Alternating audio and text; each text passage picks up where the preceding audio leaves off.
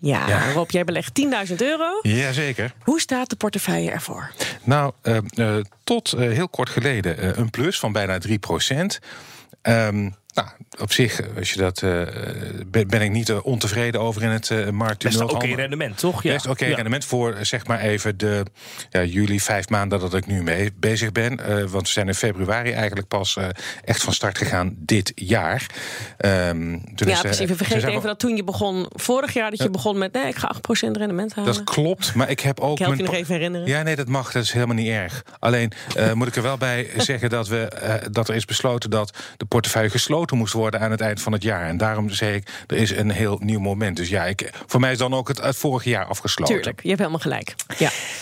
Ehm, en Maar 3% in de plus dus? 3% in de plus. En ik heb ook eh, wat aanpassingen gedaan. Ja, vertel. Nou, Shell is eruit. Nee. Ja, wel. Shell. Daar was je zo enthousiast over de afgelopen weken. Sterker nog, dat eh, stond op het moment van verkoop zo'n eh, 15, 16 procent eh, in de plus. En eh, ik dacht, nou weet je wat, laat ik eens eh, winst nemen. Ehm, eh, Koen Bender is een analist, eh, vermogensbeheerder, die we hier vaak eh, in de uitzending hebben sprak vanochtend nog even. Die zei, nou Rob, van winst nemen is nog nooit iemand armer geworden. Mooi tegeltje. Zet het voor er maar op, belegger.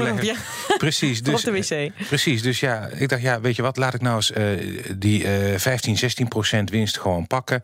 Ehm, en eh, dan ja, ga je dus gewoon weer even herschikken, de portefeuille. Spannend, want ik bedoel, dit Nou het was is echt ook wel een dikke winnaar Wa- wa- wa- natuurlijk in je eh, wa- portefeuille, Wat, wel toch? goed is om... ehm, je verkopen is. hè, Ik, ik heb het hier vaak over wat zal, zal mijn volgende investering zijn. En dat is logisch, omdat ik natuurlijk nog eh, behoorlijk wat eh, cash heb. Maar het is ook net zo belangrijk om na te denken van wat ga ik verkopen? Zijn er eh, inderdaad fondsen in die, waarvan je kan zeggen van nou ja, dat rendement is zo leuk. Waarom stellen we dat niet veilig? En kijken we verder. En dan kun je weer eh, dat geld meenemen in een eh, ja, nieuwe overweging om eh, een- een nieuwe beleggingen te gaan doen. Die nieuwe overweging, Ja. welke is dat geworden? Nou, dat is iets waar we hier al vaker over hebben gehad. Ik ben best wel positief, zeker over de wat langere termijn, over technologie.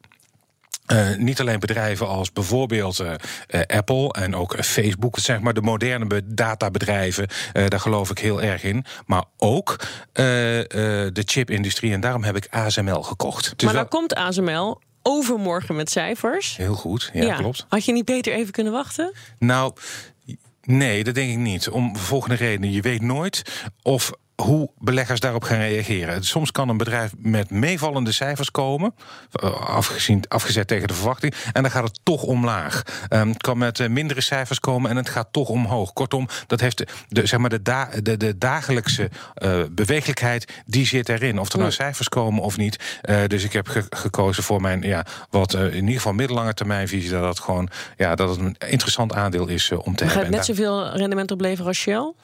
dat eh, is moeilijk te zeggen, omdat ik dan nu ook een voorspelling zou moeten doen over de ontwikkeling van de olieprijs.